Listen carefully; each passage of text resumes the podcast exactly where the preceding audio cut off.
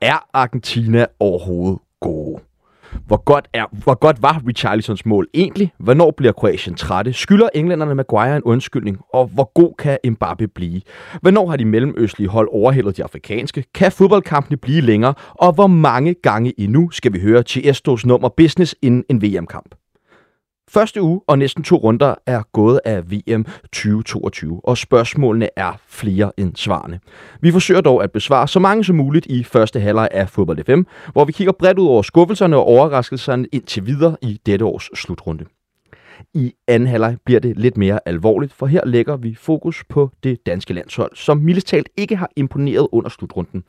Det blev til en meget skuffende præstation mod Tunesien, og er måske et lidt mere forventet øh, resultat mod de forsvarende verdensmester fra Frankrig. Vi vender selvfølgelig begge kampe, samt kigger frem mod skæbneskampen mod Australien. Den dygtige og ultra kritiske producer på programmet hedder Kasper Damgaard Christensen. Lidt mere naiv og højt råbende er jeres vært, mig, Sebastian Peebles, og du lytter lige nu til Fodbold FM.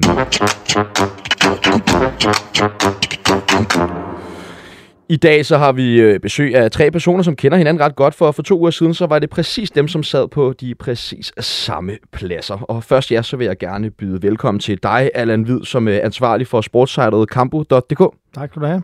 Allan, øh, hvad tænker vi om alle de ekstra tillægsminutter? det, er, det er vildt nok, øh, at det bare lige sådan kommer ud af det blå. Men på en eller anden måde, altså, det er jo vildt i forhold til, hvad vi er vant til. Men et eller andet sted, så synes jeg egentlig, at det giver meget god mening. Altså, hvis man godt kan lide amerikansk sport, og man er fortaler for effektiv spilletid, og man ikke øh, skal kunne konkurrere på at trække tiden ud og sådan noget, øh, så synes jeg egentlig, det kun det giver god mening. Men så synes jeg måske, det skulle organiseres lidt bedre, og så kunne det måske også være en fordel, at man meldte det ud til spillerne, inden man valgte at sætte det i gang. Men øh, jeg snakkede også med Kasper om det her i programmet, og der er jo noget i det her med, at spillerne ved jo reelt set ikke, hvor lang en kamp det er, de spiller, Nej. før at, at tavlen kommer op der til sidst i, i første og anden halvleg, øh, jo, hvilket kan give nogle problemer ja. i forhold til disponering af, af kræfter ja, det, og det er jo det, der ikke giver mening. Men hvis man nu fik sat det lidt mere i system, så kan jeg egentlig godt lide tanken om, at man jo får de minutter igen, som der bliver trukket ud. Øh, altså, men det kræver nok, at man lige får... Øh, øh, meldte det lidt mere bredt ud, øh, end bare lige øh, dagen før VM. Ved siden af, af Alland, der sidder øh, Peter Frohlund jo, som øh, snart er lige så fast inventar her øh, på kanalen som, øh, som Kasper og, og jeg. Velkommen øh, til dig, Peter, som jo til daglig er øh, kommunikations- og brandingsdirektør i Arbejdernes øh, Landsbank. Tak. Vi, øh, vi talte jo øh, sidste gang, du var med i Fodbold FM om Ronaldo, som du er meget stor øh, tilhænger af, ved vi. Øh, hvad, øh, hvad siger du til den her udvikling, som det hele jo tog i løbet af sidste uge?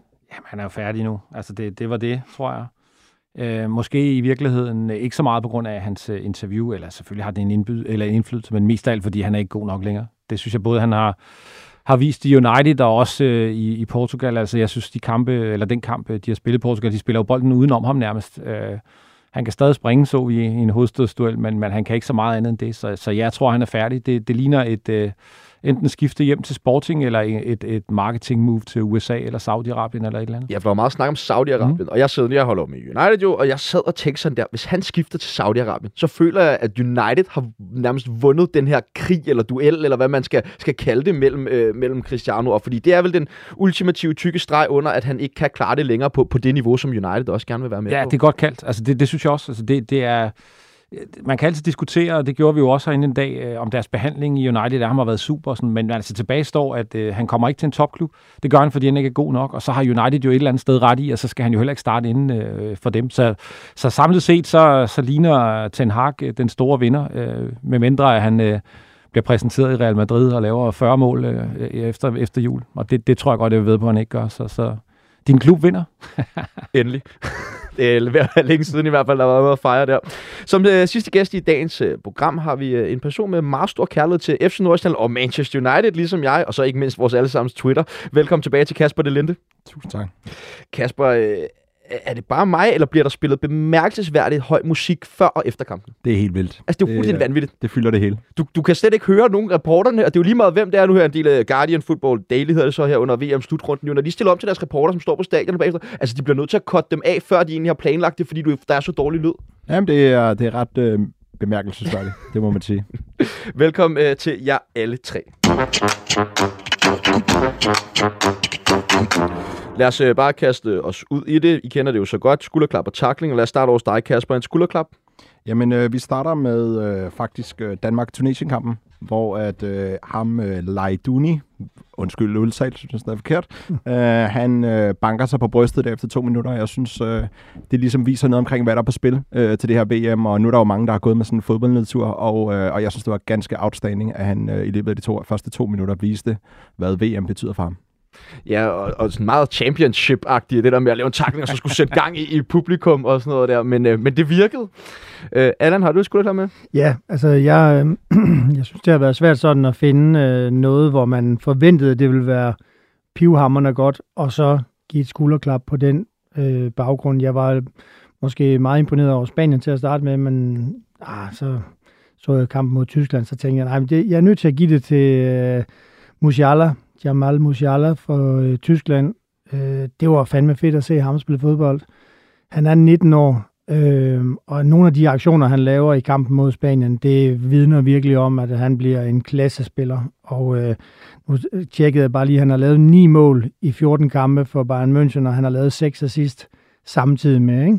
Så, så øh, mit skulderklap, det går til ham. Jeg synes, han er et stort og fantastisk talent, og ham glæder mig til at se meget mere til det siger også meget om sådan talent, at man kan løbe rundt på en bane, hvor Pedri og Gavi også er, og så alligevel øh, skinne igennem ja. på, på den måde, som, som han, han Og han kunne jo i virkeligheden spille i Barcelona. Altså, han har jo lidt de samme ting. Jeg synes godt nok, han ser, øh, han ser giftig ud.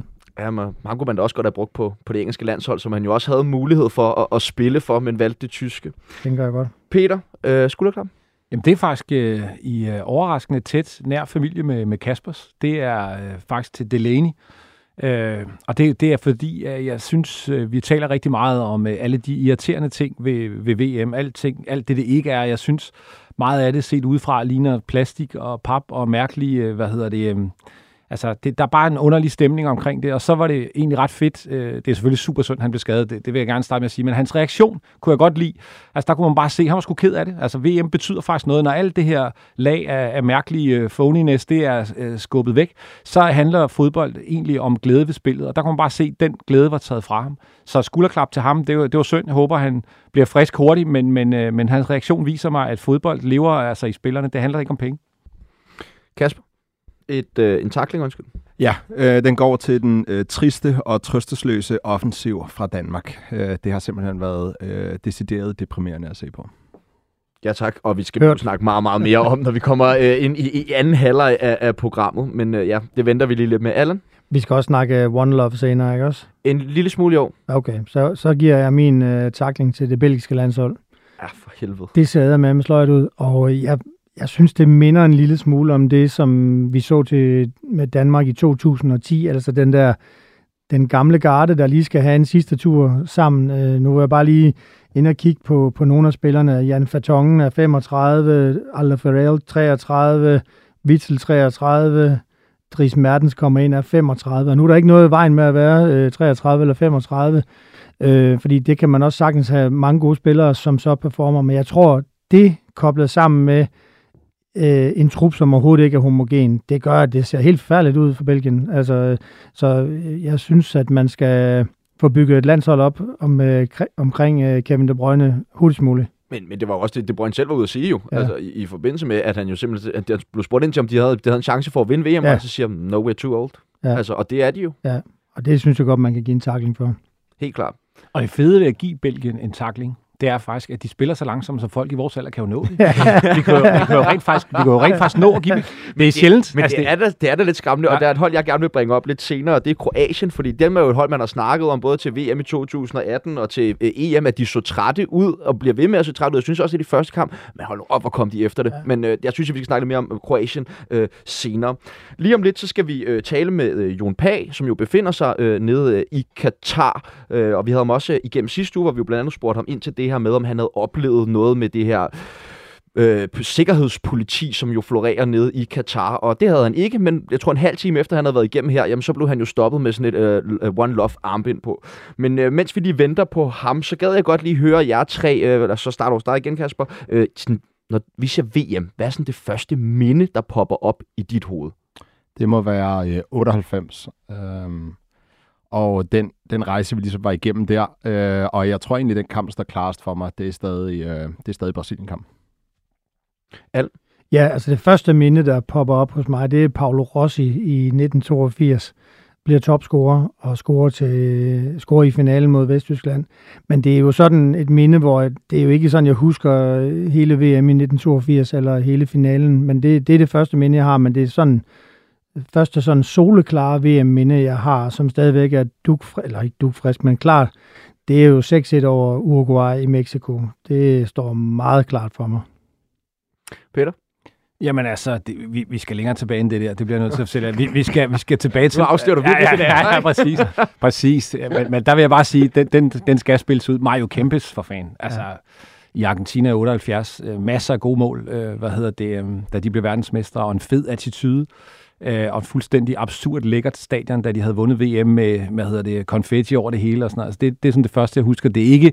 Det er jeg ikke, tror, du skulle til at sige 66. Ja, ja præcis, præcis. Det er, jeg skulle til at sige, det er heller ikke, fordi det hele står sådan uh, soleklart, men jeg kan huske, at der var mange år, hvor uh, hver gang jeg sparkede til en bold, så, uh, så råbte jeg Mario Kempes. Um, det var så det eneste, der mindede om det, men det var sjovt, så længe det varede. Og, og dengang var det jo bare nogle super fede fodbolde også. Ja. Altså, det savner jeg faktisk lidt nogle gange. Jeg ved godt, de er super pæne, og de er vildt gode at sparke til og sådan noget. Men der var et eller andet over bolden af dengang. Jeg husker VM-bolden fra 2002. Den der guldfarvede en. Den kunne også... Ja. Den var... Ja, ja, ja. Altså, jeg har tr- Trusco fra 90 i Italien. Den, øh, ja, det er godt hævet frem. Lidt. Ja, godt hævet frem. Har I, øh, der er jo en del øh, eksperter på her under øh, VM på de forskellige kanaler, og nogle får mere ros end andre. Blandt andet Kenneth Paris har været en del udskilt, men jeg, jeg synes jo, han har været for meget forfriskende pust til, til den her VM-dækning. Men altså, har I en, en favorit af de her eksperter på de to DR og TV2? Jeg synes, det er Mikkel Bischoff. Jeg synes, at de okay. fleste pointer, han kommer med, er gennemtænkte. Det kan jeg sgu meget godt lide. Øh, ja, okay. Ikke den sjoveste, øh, hvad hedder det, hvis det er det. Nej, nej, nej. Men jeg nej, synes, nej, nej, nej, jeg synes, at han, jeg synes, han, er, han, er, han har en rigtig god, øh, savlig og, og en fed, øh, nogle fede pointer, som er, som er godt gennemtænkt, og det, det kan jeg meget godt lide. Men jeg synes egentlig generelt, det er en, en god dækning. Helt klart. Allan, har du nogen favoritter? Øh, ja, det har jeg. Men øh, mit øh, overordnede take er, at jeg synes nogle gange, det bliver lige lovligt alvorligt.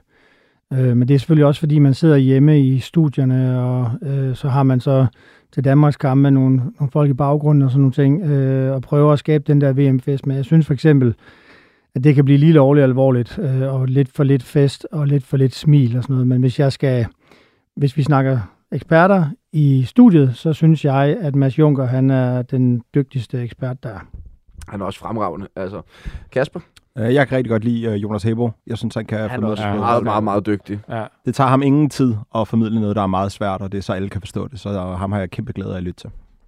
Jamen, det, øh, det kan jeg også godt forstå. Og, øh, ja, det er jo også, også fedt med nogle af de der, som kommer lidt ind fra siden af, som ikke har været med øh, i hun. Nu ved jeg godt, har været med på Mediano i mange år, men på, på den store scene på den måde er det også fedt, når der ligesom bliver trukket nogle kaniner op af hatten, og det bliver mixet øh, lidt rundt. Nå, øh, jeg kan se, at øh, Jon Pag han stadig er, er travlt optaget, så lad os bare øh, dykke lidt ned i, i, i nogle af de lidt mere seriøse ting. Øh, altså ja, nu var du også inde på, om vi skulle tale om det her med One Love armbåndet, men altså, hvordan synes I generelt, at DBU har håndteret det politiske og kommunikative, altså i løbet af slutrunden, siden vi ligesom er, er kommet derned? Fordi at, jeg ved ikke lige, om jeg skal starte med sådan en lille rant her, men jeg har godt nok været utrolig skuffet over øh, hele deres måde at kommunikere på. Øh, hvis man ligesom kigger på det her med, at der blev meldt så meget ud med, at jamen, når vi kommer derned, det er der, vi vil gøre forskellen, det er der, vi vil gøre noget. Og den har man jo ligesom som at købe, selvom man har sagt, men burde vi ikke også gøre noget lidt mere, og vi har vidst det her i 10-12 år og sådan noget. Og, men hele tiden får at vide, hvad det blev, vent nu, vent nu, vi skal nok gøre noget, når vi kommer derned. Så når de kommer derned, så opstår hele den her situation med det her One Love, jamen, som jeg i forvejen synes var en meget, meget patetisk lille bitte, bitte ting, lille gestus at gøre. Lige så snart der kommer noget, så kunne de gøre det, fordi der var nogle sportslige konsekvenser. Men jeg kan bare ikke lade være med at tænke på den episode med vikarlandsholdet, hvor man var villig til at ofre alt sportsligt på baggrund af, at man ikke kunne få lov til at have nogle sponsoraftaler, så man kunne hive nogle flere penge ind i sig til sig selv. Og hvis man sætter det sådan op, og det kan godt være, at det er mig, der satte det sådan lidt for firkantet op, men så, og det var også, Troels Henriksen sagde det også, da han var med sidst, øh, sidste mandag, men det er jo som om, de vægter penge meget højere, end de vægter menneskerettigheder, når man kigger på det sat op på den måde.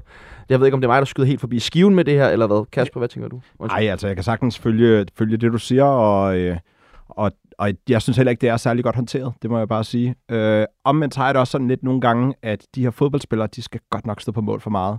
Så jeg har meget sympati med øh, en spiller, som måske spiller sin første, måske spiller sin sidste slutrund, og det hele ligger på hans skulder. Altså sådan, så, så jeg har lidt svært ved det her med, øh, hvor meget spilleren bliver holdt til. Men nu siger du det hele. Altså, vi var nede til bare at tage et armbånd på til en kamp med at få et gult kort. Øh, Ja, måske.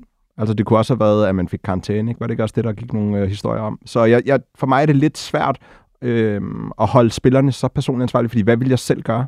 Vil jeg selv sætte mig selv i en situation, hvor at, øh, at jeg ikke kunne levere det, jeg skulle potentielt senere hen i turneringen? problemet er, at det, det er slet ikke spillerne, der skal, der skal håndtere det der. Det er altså DBU, der skal håndtere det.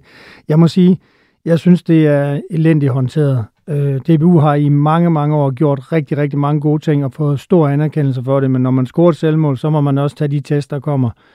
De havde en trøje på op i Herning helt tilbage til Nations League, hvor, man, hvor det stod så småt, øh, at man ikke kunne læse det. Øh, og det nåede ikke engang at komme på tv-billederne. Så skulle man så nu her nede til VM spille med en træningstrøje, når man trænede. Og det vil FIFA så ikke have. Nå, okay, så må vi hellere lade være med det. Og nu er der så et One Love armbind, hvor der er syv nationer, der, eller otte, eller hvor mange det var, der går sammen. Og så siger FIFA, det må I sørge med ikke. Jamen, så bøjer man sig igen. Og det, det er jo faktisk, som Christoffer Eriksen fra Frihedsbrevet, han skrev den her uge her, det er jo først, da det bliver forbudt, at det bliver interessant. Fordi hvis du vil ud og sende et statement, så er det jo ikke noget stort statement, hvis det ikke er forbudt, så er det jo bare en helt almindelig ting at gøre. Vi har gjort det før.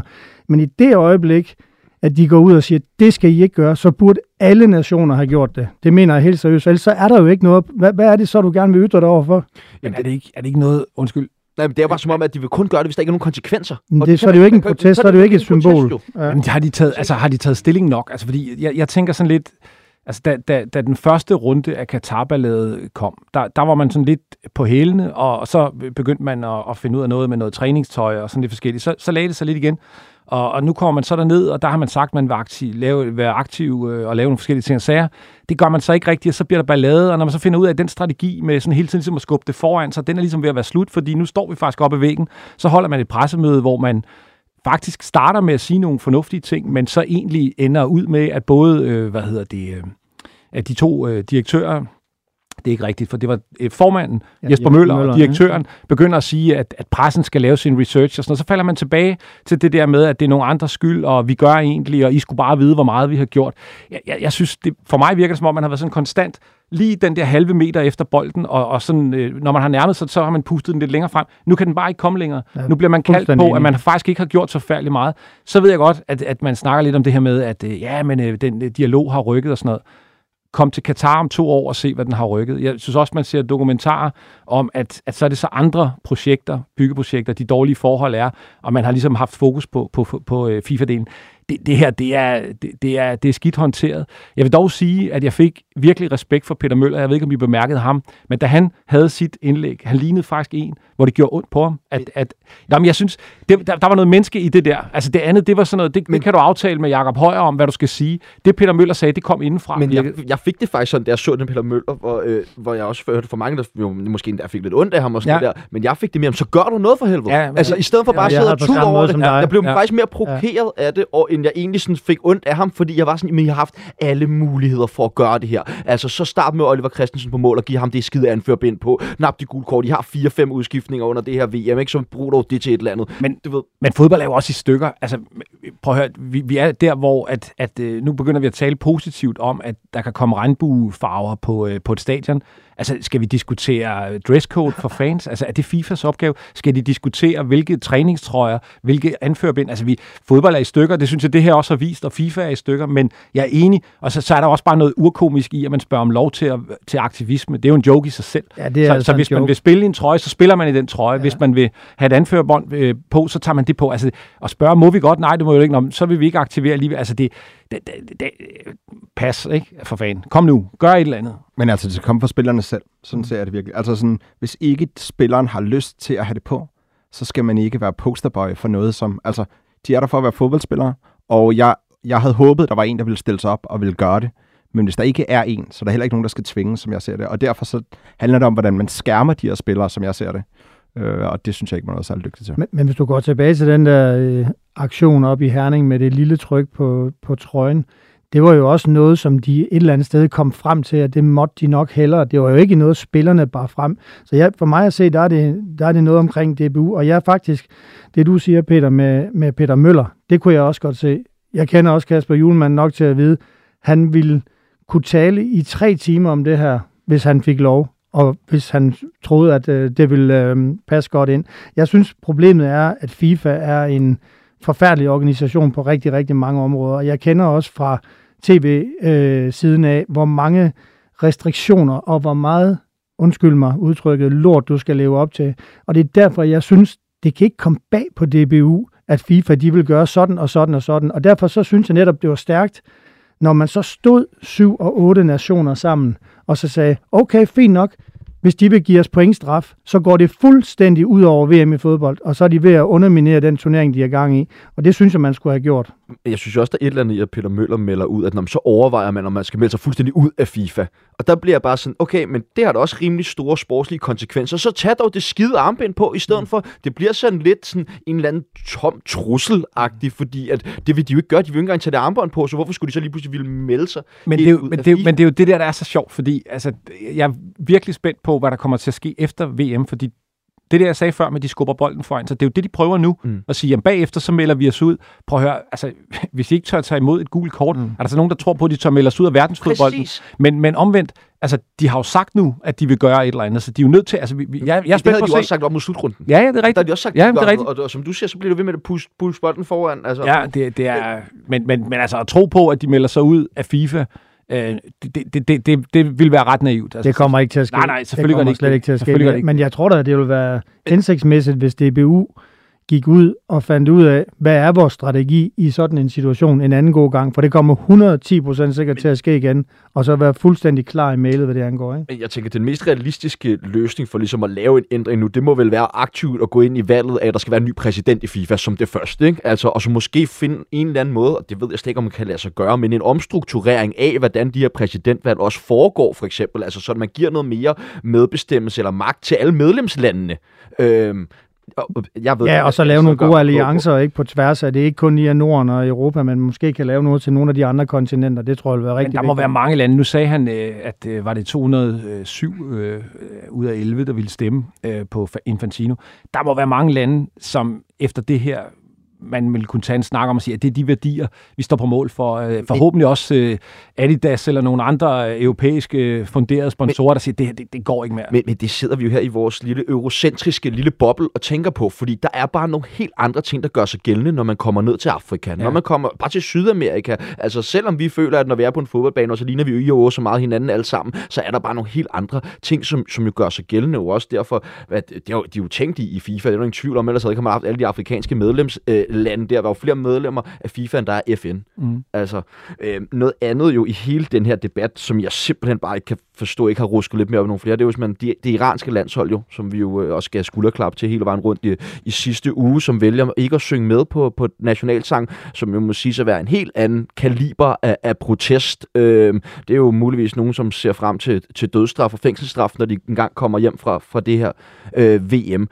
Og jeg tænker bare, at der må være nogle danske landsholdsspillere, som har lidt dårlig smag i munden. Forhåbentlig over, at man kan se nogen, der er villige til at gå så langt for at gøre noget, men at man så ikke selv kan, kan finde gøre noget. Men er vi ikke der, jeg er enig, men er vi ikke også der, hvor, at, øh, fordi jeg, jeg er lidt på Kaspers hold, det der med, at mange spillere bliver taget som gisler, men jeg håber også, på et eller andet tidspunkt må spillerne jo også kræve noget af deres forbund, altså fordi det, det, det, det er jo, det ved jeg godt, det kan ikke lade sig gøre i Iran, men der er, der er jo mange ting, man kan protestere over, skal protestere over, men det hele bunder jo ned i det samme, at FIFA er korrupt, og fodbolden er ødelagt øh, og på vej i en retning, den ikke skal. Og det, det bliver spillerne jo også nødt til at vurdere, om, om ikke de kan lægge et pres på deres respektive forbund og sige, det her skal tilbage på sporet, eller spiller vi ikke. Det er jo dem, der har den reelle magt. Øh, ja. Og apropos øh, Kaspers øh, skulderklapper, mit eget også, som kom til en spiller, eller gik til spillere, der viser følelser for selve spillet. Altså det har de jo stadig. Så, så altså, jeg vil ikke udelukke, at redningen også kunne komme fra, at spillerne tager dialogen med deres respektive forbund og siger, nu, nu, nu er vi simpelthen nødt til at påvirke det her i en anden retning. Ja, og så tror jeg også, at du har en pointe i det, du sagde før, med at sponsorerne også virkelig kan ja. gå ind og påvirke det her. Altså, det er et sprog, som FIFA og UEFA forstår. Altså, det er mange penge. Og hvis tv-kanalerne også begynder at brokke sig over det, så er det endnu flere penge. Og jeg tror, det er den vej også rundt, der skal komme et tryk, fordi det er der nogle værdier, som øh, de her sponsorer jo er nødt til at stå på mål for og, og vil have i fodbolden. Ja, Ellers ja. har de jo ikke noget at være der for. Man kunne bare godt frygte, altså, at så står der nogle øh, kinesiske Lige sponsorer, præcis. eller nogle russiske sponsorer, eller et eller andet, som bare hopper på øh, i stedet for. Og det er jo det, FIFA jo har været gode til. Altså at hive folk ind, som, som gerne vil det her projekt, og som stiller andre lidt i, i en benlåg. Der er ingen tvivl om, der skal nok være nogle andre, der står til. Men det er så også med nogle andre værdier, hvis de gør det. Og det er derfor, jeg tror, man er nødt til at prøve at tage det hele vejen rundt. Jeg er fuldstændig enig med Peter. Øh, og der kan jeg også lave et rant i lang tid, hvis det er omkring, at fodbolden er ødelagt. Det mener jeg jo sådan set noget, at UEFA også selv har været med til at skabe en lille smule. Altså det her overkommercielle cirkus, som man på en eller anden måde må have sat en prop i spiralen på, altså så det ikke bare fortsætter ud af. Fordi hvis der ikke bliver sat en prop i hele det her øh, kommercielle, kapitalistiske fodboldcirkus, så stopper det aldrig nogensinde. Så det, det er en anden det er noget andet end lige det, der foregår lige nu, men det er sådan set det samme, der skal ske, hvis du spørger mig. Og så virker FIFAs kommunikation, altså det er jo som at være med i Donald Trumps valgkamp, ikke? Altså den, den tale, han holdt, det er jo vanvid på, på et eller andet niveau, hvor man, hvor man, hvor man, hvor man tænker, der er et eller andet galt, ikke? Og vi, vi, vi, vi er vidne til, at man, øh, jeg ved godt, det er en lille ting, men altså, man fortæller om øh, et tilskuertal, som man, øh, altså, der er flere mennesker på stadion, end der er plads til, og, altså, og man kan se tomme sæder, altså det, det er bare sådan noget, stop det der spin og, og, og løgn og, og vanvid. Altså, vi, vi, vi skal have fodbolden tilbage, og det synes jeg virkelig, øh, det her VM har været sådan... Øh, altså virkelig, synes jeg, trukket i en, en rigtig grim retning, og, og det er et lavpunkt på, på rigtig mange måder. Kan I egentlig, øh, nu når bolden har rullet en del gange efterhånden, kan I, kan I nyde de her kampe, Kasper? Øh, jeg kan nyde fodbolden i det. Ja, øhm, og jeg ja men godt, du kan godt til side Ja, jeg kan, godt, jeg kan godt adskille tingene sådan relativt meget. Øhm, jeg håber stadig, at der er nogen, der gør noget andet over tid men, øh, men jeg kan sagtens øh, nyde fodboldkampen for det, den er. Nu skal vi byde øh, velkommen til øh, Jon Pag. Velkommen til dig. Tak for det, Sebastian. Hvad, hvordan står det til dernede? Jo, men det er... Øh, det står jo... Øh, ja, hvad skal jeg sige? Vi vinder ikke så mange fodboldkampe, vel? Nej, det, det har vi godt lagt mærke til her i studiet. Uh, Jon, vi havde jeg jo da også med i programmet her i sidste uge, og der kunne du fortælle, at du endnu ikke havde oplevet sådan de uh, helt store uh, skamysler uh, personligt, men, men samme aften, det kan godt nok ikke have været lang tid efter, at du var med uh, igennem her, så bliver du stoppet af, af to mænd, på grund af, at du havde regnbuefarvet armbind på. Ja, det var to minutter efter, at uh, vi havde talt sammen, tror jeg, uh, højst. Så uh, det var en vanvittig timing. Jamen, det er rigtigt. Hvad skete der? Og, uh, Ja, men altså oplevelsen kunne man jo næsten få øh, på live-tv, men det der skete var, at øh, jeg jo lige havde været inde og tale med Peter Møller, og i den forbindelse havde jeg øh, lånt sådan et, øh, et armben af ham. Og faktisk, da vi, så, da vi to var færdige med at tale i radioen, der øh, tager jeg det på, fordi min fotograf han ville lave nogle øh, dækbilleder af det, som det hedder. Og øh, så begynder vi at stille op til live, og så har jeg jo det der armbind på, og, øh, og står klar til at skal lave live, og øh, jeg siger sådan, ved du hvad, så tager vi det på, fordi så kan vi ligesom visuelt vise, hvad der har været øh, dagens store historie. Så kan jeg sige, Simon Kjær Hurricane vil øh, ikke tage det på, med, eller tage det her på, som jeg står med nu, og det er derfor, at øh, det er havnet på mig i stedet for. Så tager Jon Pag det i stedet for. Det er fandme stand-up guy. Ja, ja, men det var nok ikke det, der var intentionen med det. Det var sådan set bare at vise det. Øh, også fordi, at, at settingen var jo, at vi stod ude midt i en ørken, og vi, jeg havde fået det der armbind et, et par minutter før. Så intentionen var jo selvfølgelig bare at vise det frem. Øh, vi stod jo også mere eller mindre alene, troede vi. Hvis godt, der var de der betjente, men de stod jo et stykke væk. Og lige så står ham der, øh, betjenten der, og vil have mig til at tage det af. Så øh, ja, det var det, der skete. Hvad var, men du nægtede at tage det af, ikke? Jo, altså det var jo så altså, det, det, for mig var det en ekstremt bizarre oplevelse. Øh, ja, altså, fordi det var jo den dag, hvor hele, altså, hvor, det var jo nyhederne i, i hele verden, det her med, at de ikke tog det armbind på alligevel. Øh, og jeg havde haft travlt, jeg havde været ude i træningslejren med, med, med det danske landshold og så videre. Så alt. altså, jeg, havde ikke, jeg, jeg fandt ud af efterfølgende, at der var nogle andre, der havde taget det på inde på et stadion, en, en, en kvindelig reporter fra England. Øh, men det vidste jeg ikke på det tidspunkt. Og øh, så, så jeg havde egentlig ikke tænkt så meget mere øh, andet, end at jeg havde tænkt sådan rent tv-journalistisk, at, øh, at øh, det er sådan helt klassisk at sige, her er dagens store historie, og det har kun handlet om det her armbind og bla bla bla. Og så derfor så var det så bizart for mig at stå, og så stod, stå ude i en, i en ørken 30 km ude i en ørken fra Doha med en mand, der lige pludselig beder mig om at tage øh, det her armbind af.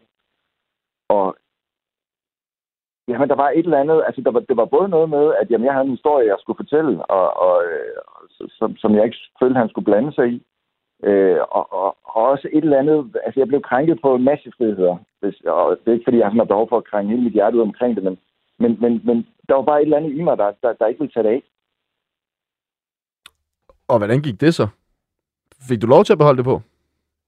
Jamen, fordi det, er, det, det, det bliver også en lang øh, forklaring, men sådan som jeg øh, har oplevet det der ordensvæsen her nede i Katar, så, så, øh, så er det jo meget rangordnet. Øh, og ham, der kom over til mig, han var ligesom chef for de gutter, der stod ude foran øh, danskernes hotel, hvor vi jo befandt os. Men over dem er der så endnu et lag.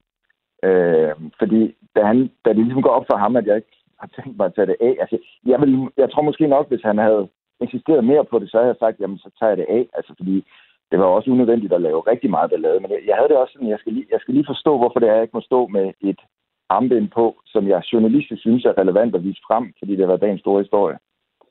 Øhm, så så han, det var egentlig ret hurtigt, at han, han, han, han ligesom erkendte, at jeg ikke tænkte mig at tage det af, og så, så gik han væk, og så vendte han sig om, og så siger han sådan til mig, øh, men så finder jeg en anden løsning på det. Og så siger jeg, så skal jeg lave mig foran kameraet, og så laver vi vores live gennemstilling. Og da vi så er færdige med den, så vil jeg faktisk gå over og lige at tale med ham, fordi jeg synes, han var meget respektfuld over for mig, så det var, det, det var, han var som sådan ikke ubehagelig. Men situationen var jo ubehagelig, fordi jeg jo godt vidste, hvad symbolikken var, og hvad det her betød. Så jeg ville egentlig lige over sådan at, at runde den af med ham, som vi jo gør i Danmark. Øh, så jeg går over til de der gutter og siger, øh, hvem er det, hvem er jeg, var det, der gik over og sagde, at jeg ikke måtte have den her på. Så siger de, at det var chef, og han er lige gået efter nogle andre. Og så kigger jeg ned,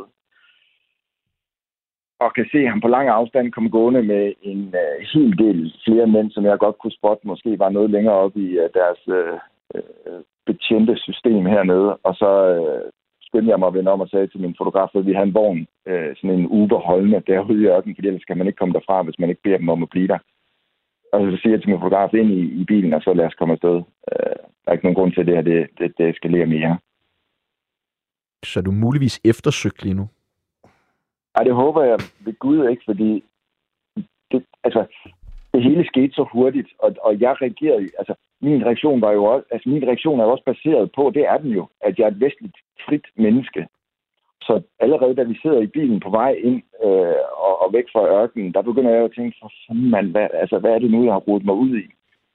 Øh, men, men man kan sige, det der jo så efterfølgende sker, er jo, at, at, at jeg, altså, det er jo nok et billede på, at Katar har undervurderet, hvad det er, de har sat i verden her ved at invitere hele verden ned til en by og holde en kæmpe stor fest.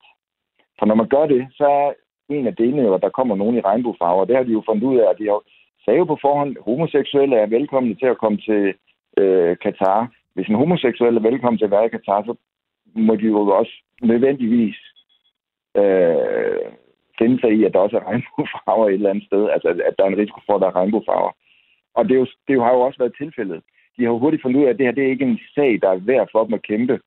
Altså fordi vi så det her med, med, med de valisiske fans øh, især, som, som kom i regnbuefarver og blev afvist. Så skyndte FIFA formentlig at tale med regimet hernede i Katar og sige, at det her det, det, det kommer til at se for dumt ud øh, for, for det her arrangement, hvis I ikke bare giver dem lov til det, og så har de fået lov til det, sådan som jeg har læst det.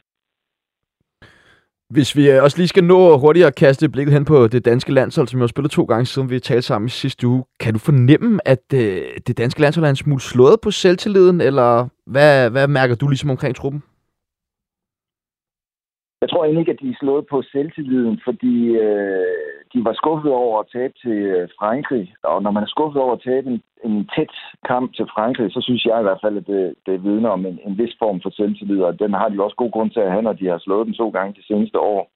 Så det var jo mere sådan en skuffelse over, at de godt ved, at de har evnerne til også at, i hvert fald at, at resultatmæssigt at, at, at spille lige op med Frankrig. Men det er klart, nu, nu kniven for struben, og den måde, man kan mærke det på, er, at i går, da vi havde presset seance ude ved øh, den danske træningslejr. Der fik vi at vide, at det skulle gå øh, væsentligt hurtigere, når vi øh, lavede interviews med de to spillere og træneren. De var noget mere stresset omkring at få det der arrangement afsluttet. og så meddelte de os også i går, at der ikke vil være presseseance ude ved træningsanlægget i dag, som der ellers normalt er. Øh, med den officielle begrundelse, at øh, der ikke var, alligevel ikke ville være så mange, der skulle træne og så videre. Så det er i hvert fald for mig et tegn på, at nu, nu lukker man helt ned for at kunne have fuld fokus på en kamp, man jo selvfølgelig skal ud og vinde, og samtidig skal håbe på, at uh, Tunesien ikke tager point fra Frankrig. Har du egentlig fået flere øl, siden sidst vi snakkede sammen? Det har jeg egentlig været mest nysgerrig på at høre om.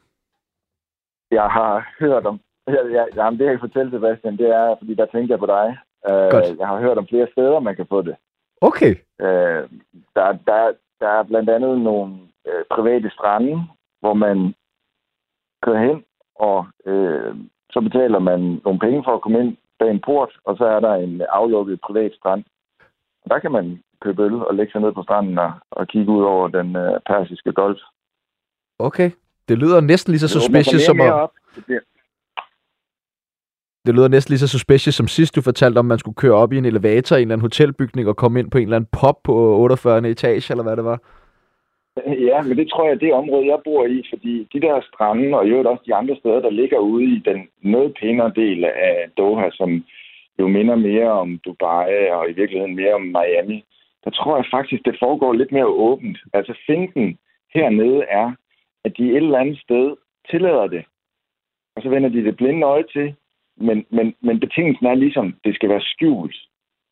Altså, det må ikke være åbenlyst. Så længe det er skjult, så drik jeres øl. Mm. Prøv, at- Jon, er det ikke noget med, at du lige får besøgt en af de der strande, inden vi snakker sammen næste mandag, og så giver du lige en anmeldelse? Men Jon, har du fundet et sted, hvor man Jeg kan... lang. Jon, det er Allan Hvide, har du, har du fundet et sted, hvor man kan købe tre point? den, er, den er værre. Den er værre. Men, øh, Ah, men ikke, Katar er vel øh, et meget godt sted, hvor, hvis man gerne vil købe, købe sig til nogle point. Ja, jeg ved godt, hvor vi skal gå, vi skal gå hen. Nu skal jeg passe på, hvad jeg siger. Det er godt, Jon. Pas godt på dig selv til, øh, vi forhåbentlig tales igen næste mandag. Jamen, I siger bare til. Ej, hvor er det dejligt. Tusind, tusind tak, Jon. Og endnu en gang, pas godt på dig selv og drik en masse øl for os, ikke? Jo, tak, jeg lige måde. Ha' det godt. Det er godt, hej.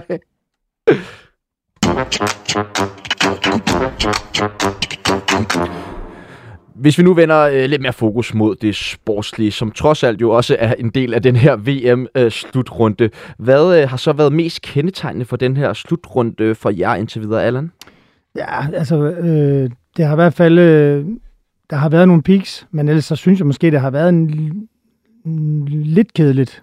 Øh, der har været en del 0-0-kampe, øh, og jeg har måske været mere skuffet over nogle af de store hold, end jeg har været imponeret. Altså for eksempel Argentina mod Saudi-Arabien, det synes jeg med mig var vildt. Det er, det er faktisk den eneste kamp, jeg sådan rigtig har, har råbt undervejs i. Øh, så tror jeg nok, jeg kommer til at råbe en lille smule i lørdags, da Danmark scorede.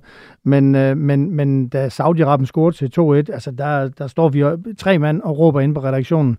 Er det fordi, du har 800.000 Nej, nej, eller det er simpelthen et chok. Altså, det er simpelthen et chok. Øh, og jeg, jeg var simpelthen chokeret. Også fordi det er nogle vanvittigt gode mål, de laver. De kommer bare... Puff, Men, men hvad, hvad, er du chokeret, hvad var du chokeret over? Jamen, altså... at, at, Argentina, altså, at de at kommer foran mod Argentina, det, det for mig at se, det burde aldrig nogensinde kunne ske. Og så synes jeg jo, når jeg så har reflekteret mere over det, så, så er jeg skuffet over Argentina. Altså, de burde jo bare kunne sætte tempo i den kamp og, og styre det mod Saudi-Arabien. Det er som om, at det blev simpelthen for meget øh, old boys, laid back, øh, den skal vi nok øh, køre hjem. Og så har jeg været skuffet over Belgien og øh, ja. så- Tysklands nederlag til Japan, Ja, man vel også godt smide øh, ja. i puljen her. Ja, så synes jeg også, altså, nu nåede jeg ikke at få givet mit, øh, min takling før, men den er til Southgate fra, hvad hedder det, oh, fra England. Altså, den kamp, de spiller mod USA, altså, det burde simpelthen være ulovligt. Man har så mange gode spillere, som, som, øh, som England har, og så, så kan man ikke, øh, altså hverken forsøge, eller vil ikke forsøge, og tør ikke forsøge, og bange for at indkassere, og står med, med en masse dygtige spillere, øh, som spiller i utrolig lavt tempo, og uden sådan rigtigt at sætte mm. noget på spil. Så det, der har været mange af de der kampe, hvor potentielt store hold, øh, synes jeg, undervurderer lidt, at de dårlige hold er ikke så dårlige, så man kan fedte det hjem uden at tage risiko. Man er nødt til at prøve at vinde en kamp, hvis man skal vinde. Lige England-USA-kampen, det, det synes jeg er meget interessant, øh, og den, det, det, lad os, der er bare dykke ned i den med det samme, men øh, fordi at for mig at se, øh, da jeg så kampen, altså så føles det mere som om, at England egentlig havde styr på hele kampen. At det var meget overlagt, at de ikke gjorde mere ud af det. At de ikke brugte flere kræfter. Altså bolden blev lagt på tværs af banen hele tiden. Øh, Harry Maguire og John Stones, jeg tror, de havde 150 afleveringer mellem hinanden i den der kamp der. Men, men der var heller ikke antydninger til et England-hold, der på noget tidspunkt sådan prøvede noget.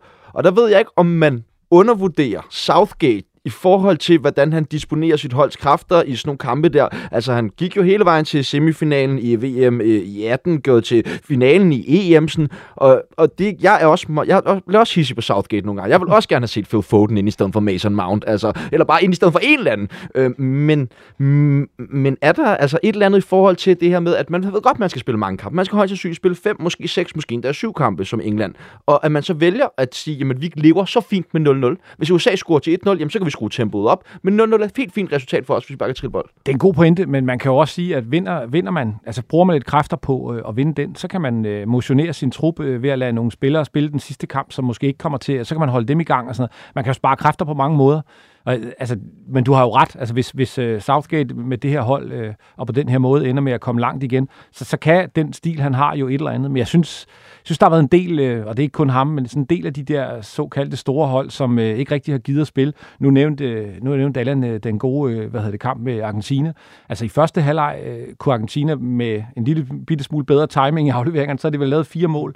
Øh, men de får det ikke gjort færdigt, og så tager man, altså Belgien har vel må vel være det hold, der har løbet mindst. Og sådan. Altså, der, der, der har været sådan lidt, lidt dogenskab hos nogle af de store hold, og det, det ser ud som, at det også mod Tunesien, ikke? Ja. Kasper, hvad er faldet mest øh, i øjnene for dig indtil videre? Jamen, det er, øh, det er meget det samme. Altså, det er den her øh, sådan lidt impotente stil, som egentlig har været kørt øh, fra mange hold. Øh, det der med ikke at ville investere. Øh, folk har været super tilfredse med bare at spille sig i gang, og om det er de mange, mange kampe, spillerne har haft inden, eller hvad det er, der gør det, det er lidt svært at sætte fingeren på, men, øh, men det er ikke, fordi jeg sådan er blevet øh, positivt overrasket over alle de store. Det er dog rigtig rart at se, at øh, der er andre lande, som spiller frisk til. Altså, jeg synes, Canada har givet den en over nakken, og, øh, og, og der, øh, så, må man, så må man nøjes med det i stedet for. Hvad har været den mest positive overraskelse for dig? Jamen, det tror jeg faktisk, Canada har. Altså, sådan, det kan godt være, at det er hammerne niv øh, fodbold, de spiller til tider, men, øh, men de investerer mange mand, og, og det i sig selv er lidt øh, revolutionerende. Hvad, øh, hvad tænker I om, altså, øh, sådan hold som Kroatien, som jeg også nævnte lidt tidligere, fordi at, jeg tror, at altså, man prøvede allerede at afskrive dem i 2018, og det er jo mange af stamme hold, på holdet er jo, er jo det samme, ikke med Modric og, og Brusovic og Kovacic øh, øh, inde på, på midten, Kasper? Ja, jeg kan rigtig godt lide den måde, de er gået til det på her fra ja, særligt kamp 2. Men altså det her med Modric, han er ikke stjernen, når han spiller. Han løber bare rundt sammen med alle de andre og arbejder som en enhed. Så, øh, så jeg synes, det har været ret forfriskende i modsætning til ja, Belgien for eksempel, øh, Argentina. Så jeg kan virkelig godt lide, at de arbejder som organisme, og øh, det er befriende. Ja. Det er jeg fuldstændig enig i. Og så sad jeg også og tænkte i går, øh, Modric 37, ikke? Jo. Ronaldo 37. 37. Wow. Ja. Jeg synes godt nok, Modric han er lige et par, øh, par klasser over Ronaldo nu. I hvert fald en, øh, hvis du spørger mig. Øh, fantastisk fodboldspiller. Og så synes jeg, når man sidder og ser det der kroatiske hold, for det er helt rigtigt, hvad Kasper siger, han, han er jo stjernen. Vi ved jo også, at han har øh, givet øh, dyre uger til dem, han har mødt op igennem sin karriere og alt sådan noget. Så han er stjernen, men det er jo et, det er virkelig et homogen hold, det der. Og så synes jeg, de scorer nogle vilde mål i går. Altså, nu kan jeg ikke huske, hvem det er, der scorer den, hvor, hvor den bliver lagt ind fra venstre kanten, og så tager han den første berøring med højre, og så sparker han lige så fladt ind med, med venstre. Det er bare et klassemål. Jeg synes, jeg synes jo generelt, så er det tekniske niveau på Kroatiens hold virkelig højt. Ja. Altså selv de spillere, som øh, kommer ind, øh, Lovran Marja, som kommer ind og scorer til 4-1 øh, i kampen i går også, altså de, de bare, deres boldberøringer, altså første berøringerne, er knivskarpe altid. Det er hele vejen rundt.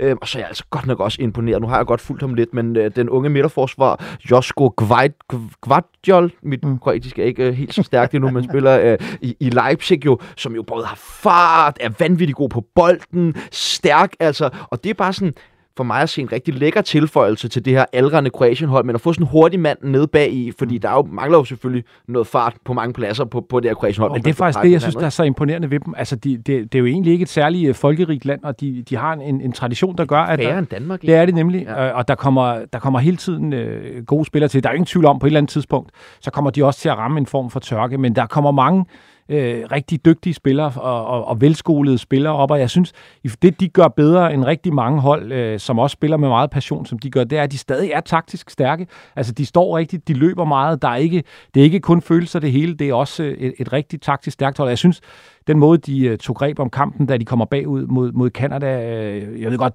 det er altid nemmere, når det er første minut, fordi så skal man ligesom gøre et eller andet.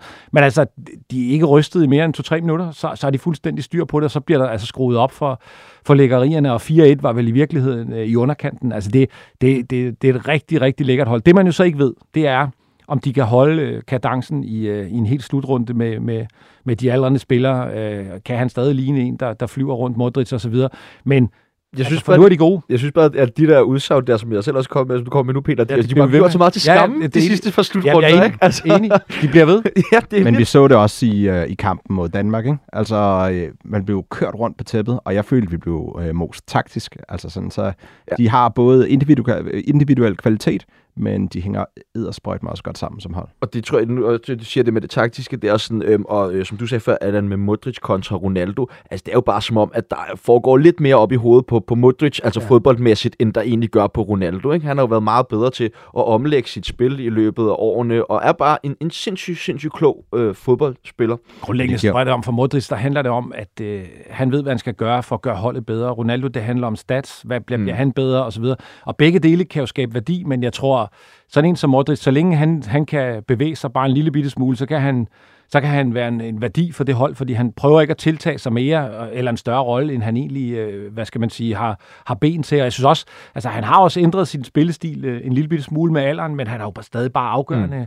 Og som du sagde, Kasper, da han kommer ind i parken, Øh, de har ham ude i første halvleg, som jeg husker. det, var, altså, det var så vanvittigt. Vi, vi er jo til grin. Vi kan jo ikke, vi kan jo ikke komme i nærheden af ham. Altså, det, det, det, det, det var en af de bedste præstationer. Ja, det ja, var absurd. Det var absurd god. Mm. Altså, det var en af de flotteste præstationer, jeg har set i mange år i landsholdssammenhæng. Men det er også derfor, Peter, jeg tror, han kan blive ved til, som du siger. Altså, ja. i år og år endnu. Altså, fordi han vinder bare, inden de andre er ind på ham, og det gør han bare hver gang. Så man kommer aldrig i nærheden af Modric. Det er så. så er der en ting, jeg godt kan lide ved kroaterne også, det, og det burde jo være en selvfølge, kan man sige, men det er det jo altså bare ikke altid, du kan kigge på Belgien. Men når de scorer, det er hele holdet, de er helt op at køre. Det, de har passion og vilje. Øh, altså, de brænder så meget. Det kan man se på alle spillere i den trup der, hvor man kan sige, det er der nogle af de andre hold, som måske ikke har på samme måde, og det fungerer på en anden måde end nogle af de andre trupper. Kroaterne, de kommer med 110. Nu har vi jo kastet os ud i sådan en lidt øh, vilkårlig gennemgang af, af de større hold i, øh, i, ja, i VM-slutrunden, øh, og det synes jeg bare, vi skal øh, fortsætte med. Og nu har vi snakket lidt om Portugal frem og tilbage. Hvordan vurderer I egentlig dem? Øh, I sidste uge så havde vi øh, Jeppe Højberg med, som sagde, at han håbede for, for Portugals skyld, og ikke fordi man håber, at der sker noget dårligt for nogle andre, men at Ronaldo blev skadet. Fordi at det nok vil være det bedste øh, for dem. Hvad tænker I om sådan ud så, Allan? Jeg håber ikke, der er noget, der skadet, men jeg kan godt forstå, altså når man så kampen, så, så, så spillede de, øh, så, så er han blevet sådan et underligt øh, fremmedlæge, men han er ikke rigtig med i kombinationerne, og hvis de ikke rammer ham, øh, altså decideret rammer ham i feltet, så, så er han heller ikke rigtig farlig der, sådan, så, så altså han er det vil være bedre for dem at få ham øh, skibet af. Men altså, alle ved jo, det kommer ikke til at ske. Så, så jeg kan godt forstå snakken om, om, om skaden, men jeg håber, jeg håber det, det er mod hos en landstræner, der gør det. Hvilke udfordringer ser du, Portugal har? Fordi altså, ja, det er jo ikke set sådan... Nu har de selvfølgelig kun spillet en kamp, men... Øh... Øh, jeg tror, øh, at vi er tilbage til Ronaldo. Ikke? Han, skal, han skal ud, hvis de skal blive, have, have stor succes. Altså, jeg synes ham, øh, kanten, der kom ind på venstre siden, som jeg ikke kender så forfærdeligt meget til, men øh, spiller i Milan, Leao. Mm. Øh, han viste rigtig god fart, og det gjorde noget for holdet, da han kom ind, at man havde fart på begge sider. Øh, så, øh, så jeg tror, at de skal øh, gå på kompromis, få Ronaldo ud og øh, rykke Bruno frem, og så spille med to rigtige kantspillere. Bliver, bliver Bruno ikke også meget bedre, når Ronaldo ikke er på banen? Lige præcis. Lige og det er også det, vi har set i United, ikke? Altså, jo, jo. Sådan, de løber lidt og øh, vil nogle af de samme ting, og øh, fylder i samme rum, og det er bedre, at de ikke er der samtidig. Så hvordan vurderer I Portugals chancer for, øh, hvor langt de når i den her turnering?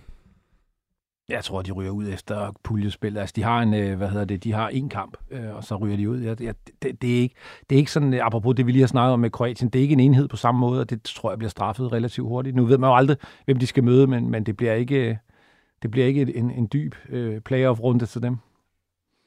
Så øh, Spanien, de startede som øh, lyn og torden med en 7-0 sejr over øh, Costa Rica, og øh, ja, lige så imponerende det var, så synes jeg godt nok også, det var et utroligt sløjt Costa Rica-hold i den kamp. De kom så lidt efter det med deres 1-0 sejr over Japan, men jeg synes, noget mis- miserable forsvarsspil, jeg har set i mange, mange år for det her Costa øh, Rica-hold. Så, men øh, Spanien kom jo lidt ned på jorden igen i går mod øh, det tyske hold. Øh, hvad, hvad, hvordan vurderer I Spaniens chancer med det her unge, unge, unge hold? Jeg synes, de ser, jeg synes, de har nogle gode muligheder for at komme langt til verdensmesterskabet. Altså, øh, jeg er enig med dig i, at Costa Ricas forsvarsspil, hvis der i det hele taget var noget i anden halvleg, så var det i hvert fald ikke ret godt. Øh, og det var, det var lidt ligesom et, en træningskamp, hvor, hvor man øh, trænede mod en, en dårligere modstander. Men, men jeg synes, at der er mange gode spillere på det spanske hold, og jeg synes faktisk også det, som jeg sagde før med Kroatien, det virker faktisk som en trup, som, hvor, der, hvor der er en rigtig homogen trup. Altså, og øh, man kunne også se, at Luis Enrique flere gange i går var ude og råbe af sine spillere. Altså, nu skal vi have niveauet op. Øh, han stiller store krav, ikke? Ja, han råber Øh, meget. Ja, Altså, det gør han. jeg, på og det, det, det sender i hvert fald et signal til mig om, at, at øh, de vil noget. Øh, så jeg tror, det, det er enormt svært, sådan noget, hvem vinder VM, og, men jeg tror godt, Spanien kan komme langt. Jeg synes, de har mange spillere, som kan gøre noget individuelt, og hvis de øh, også kan få både Morata og Ferdinand Torres til at score mål, hvilket jo ikke altid er en... Øh, øh, er helt sikkert. Men hvis de kan det, og det er der noget, der tyder på, at jeg synes, Morata laver et sindssygt godt mål, øh, så, øh, så begynder det så godt ud. Kasper, stoler du på Morata? Nej, men jeg synes, det mål i går, øh, som Allan siger, det var, øh, det var ret magisk. Altså, han kommer ud forbi forreste stolpe og formår stadig sådan at lægge den ind med størst overlegenhed. Øh, det er der, hvor de nok er svagest. Øh, Og hvis de skal vinde, så skal de øh, have ham i gang. Altså, der er også en grund til, at han er ude af startopstillingen i går. Det gør man jo for at dække sig ind, sådan, så man står bedre i banen. Og, øh, og det bliver en af deres øh, spærtens barn, og hvis det skal blive rigtig godt for dem. Det Og så var de vel heller ikke, altså da tyskerne begyndte at presse til sidst, så synes jeg, at de gav ret meget væk. Øh, både nogle øh, lidt halvbøvede hjørnespark, som jo altid er farlige, men også øh, et par sådan halvgode muligheder, øh, hvor øh, blandt andet Sané med en lidt bedre anden berøring, tror jeg faktisk, det må være, havde øh, bragt sig selv øh, til en 100 procent, og det gjorde han så ikke. Og sådan, men altså, de, de så ikke sådan helt komfortable ud ved at blive presset, og det tænker jeg, at der er nogen, der, der, der, der læser lidt op på, fordi når man kommer længere i, i turneringen, så er det ikke Costa Rica længere. Så, så altså, det bliver spændende at se. De har potentiale til meget, men jeg synes også, de ligner et hold, der, der er lidt ungt på en eller anden måde. Men det er meget fedt at se med Gavi og Pedri på siderne. Ikke? Altså sådan, det kan blive... Vil du ikke lige knytte nogle ord på dem? Nu fik øh, Allan lov til at rose Musiala i starten. Åh, oh, men det er jo sådan øh, Iniesta og Xavi øh, genfødt her øh, mange år senere. Hvem er øh, hvem? Ja, det er egentlig et godt spørgsmål. Pedri, Iniesta, Gavi og Savi. Ja, det må være ja, den vej. Det må det være. Klinger også meget godt med navnene. Men, øh, men de, er jo, de er jo fantastiske at se på, og selvom de er nogle små, spinkle fyre, så kan det godt være, at de over turneringen bliver presset lidt i forhold til, at de møder bedre modstand, men, men jeg synes egentlig, de forsvarer ganske fint i går, og, øh, og øh, de er godt nok voldsomme. Jeg tror, det er nogle af dem, vi lige så godt kan vende os til, øh, ligesom Musiala og Bellingham. De kommer til at fylde meget på fodboldscenen i mange år frem i tiden. Der er mange centrale midtbanespillere, der er på vej frem. Ja, det er ret fedt, ikke? Jo. Og, og når man kigger på, hvad de kan, altså de kan jo det hele nu til dags, ikke? Ligesom vi snakker om med den kroatiske centerforsvar. Øh, det er helt vildt, så gode fodboldspillerne bliver uddannet i dag. Vi øh, jeg tænker, vi godt lige øh, kan nå at vende øh, to af de aller, aller største favoritter, inden vi skal over i anden halvleg, men Brasilien og Argentina. Lad os starte med Brasilien, som jo faktisk spiller lige nu. Ja, og ja, Peter, hvis du vil starte i forhold til Brasilien, altså hvad tager du ligesom med fra deres første kamp? Ja, men altså for deres første kamp, der ligner de jo, der ligner de jo en VM-favorit. Det, det synes jeg, de gør. Altså, der, der, er- de har fuldstændig kontrol over kampen, skaber rigtig mange muligheder, laver vel hvad der sandsynligvis bliver turneringens mål. Ellers glæder jeg mig til at se, hvad der så bliver turneringens Ja, men, mål. men, men, men øh, lad os lige stoppe ved det mål der, for, fordi øh, Peter Frimand, han, øh, eller Per Frimand, han udbryder jo med det samme. Det er VM's historiens bedste mål.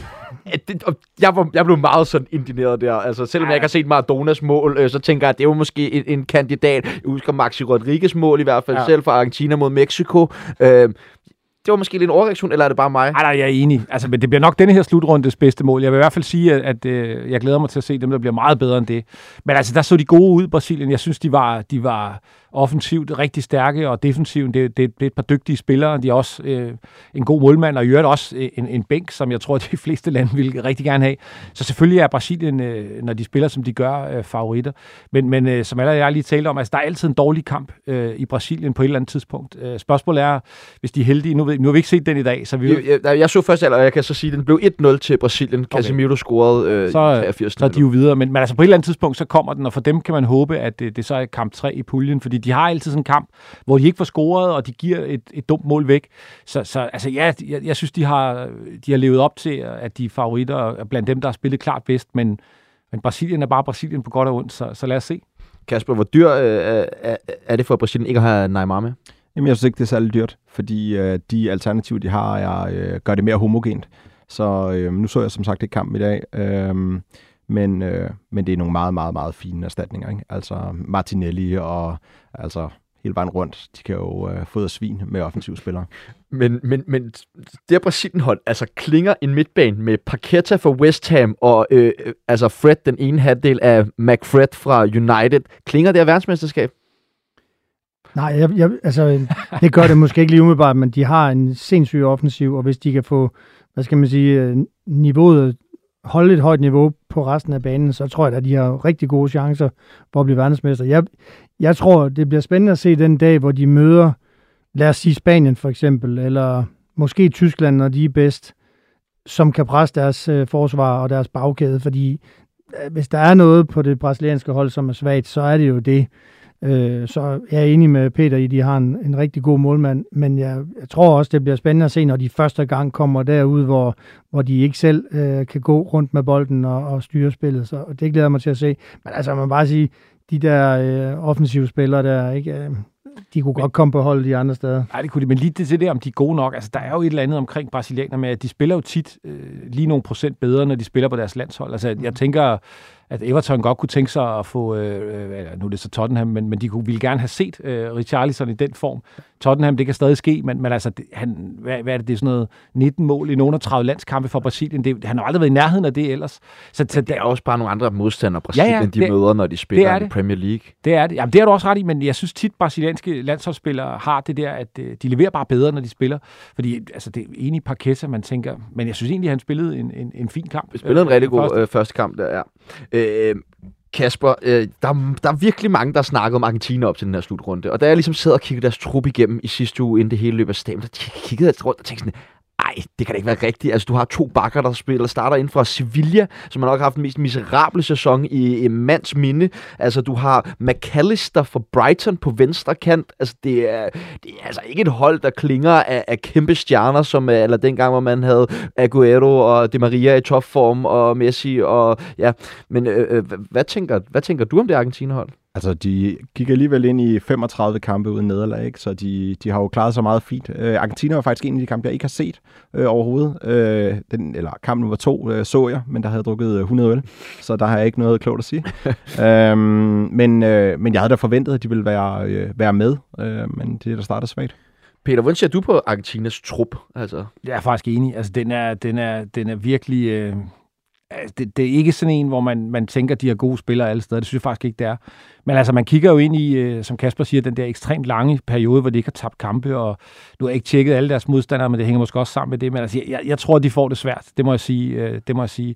Og de har jo også, og det ved jeg ikke, om de er dygtige nok til, men de har jo også i Messi en spiller, som er god, når han har bolden, men altså, han løber jo ikke meget mere end målmanden øh, efterhånden, og det kan man det og sådan noget. Så jeg, jeg, jeg tror ikke, det jeg har set indtil nu, ligner de ikke øh, favoritter til noget som helst. Øh, det, det gør de ikke. Det synes jeg altså heller ikke også mod Saudi-Arabien. Jeg synes virkelig, Messi han så langsom ud, og, og, og på en eller anden måde, når de kommer op imod nogle nationer, som kan holde et højt tempo i 90 minutter, så, så ved jeg i hvert fald, at øh, Argentina kommer til at, at få nogle perioder, hvor de ikke øh, styrer kampen. Ikke? Så, så det, jeg har lidt svært ved at se dem som verdensmester også. Det mangler virkelig fart, det der Argentina. Ja, det gør det. det. Lige det mangler fart. Uh, er det forkert af mig at antage, når man kigger rundt på alle de forskellige trupper, altså en samlet masse af de her trupper, så er det nok på papiret det, det dårligste spillermateriale til et VM, i, ja, i hvert fald i min levetid? Jamen, ja, det synes jeg faktisk, du har en pointe. Vi sad... Øh fordi hvis, der, er, ikke- der, er ikke et fuldt, der er ikke nogen, der har et fuldt hold, hvor du bare Nej. tænker, alle de der verdensklasse-spillere, altså fra Brasilien, nu Ja. nævner jeg lige, der har du Fred, Paqueta, og selvfølgelig gode spillere, men det er jo langt fra at være, hvad vi er vant til at se på I engelsk er måske det, landshold, der kommer på. tættest Ja. på, ikke? Og der har du stadig Maguire og Stones Ja. øh, og Pickford, altså i på nogle af de Ja, tre vigtigste pladser. Altså, Men det, jeg, jeg er enig, men jeg, men til gengæld, jeg tror, vi sad og snakkede om det nogle stykker i lørdags, øh, mens vi så nogle af de kampene, at altså, vi er også inde i sådan en periode, hvor mange af de gode spillere, de er ved at blive gamle, og der er nogle nye, der skal komme med Bellingham, øh, de to øh, spanske, vi snakker mm. om før og sådan noget. Så jeg, jeg tror, det her er sådan en, hvis man kan kalde det, det overgangs det er de mellemregning. Ja, det tror jeg, det er. Ja. Og næste gang, så ser vi sådan et kuld af unge spillere, og sikkert nogen, som vi ikke har snakket om endnu, som når at folde sig ud og blive stjerner. Øh, og så nogle af de der øh, øh, generation Henderson og den slags, øh, min yndlingshadeobjekt. Men så er de, øh, hvad hedder det, så er de ude. Øh, og jeg, jeg tror lidt, vi er i den der mellem. Det, det, det, det, tror jeg lidt mellem VM, hvad det angår. Og, og, og den gode nyhed er, at der, der er rigtig mange spændende unge spillere. det, men det er vel det her VM, hvis man er et hold som, som Danmark eller øh, ja, Holland, mm. jeg ved ikke, om jeg smider dem for langt ned i puljen eller sådan, men øh, hvor man ligesom skal, Uruguay måske også, sk- skulle gå efter det her VM. Der, hvor man har aller, aller størst sandsynlighed for at vinde, det er vel øh, nu i sammenligning med, med tidligere år. Jeg synes dog stadig i Frankrig. Altså, hvis man Ja, kigger på dem er spiller, der spiller, så er det godt nok en voldsom omgang, ikke? 100%, og Frankrig skal vi tale meget, meget mere om lige om lidt i, i anden halvleg af fodbold FM. Men det, her, det var alt, vi nåede i første halvleg. Vi har forsøgt øh, at tale om alt andet end elefanten i rummet, jo, som øh, ja, nemlig Danmarks opgør mod Tunesien og Frankrig. Men bare rolig, for i anden halvleg af fodbold FM har vi fokus på netop det og intet andet. Vi høres ved i anden halvleg. Dançar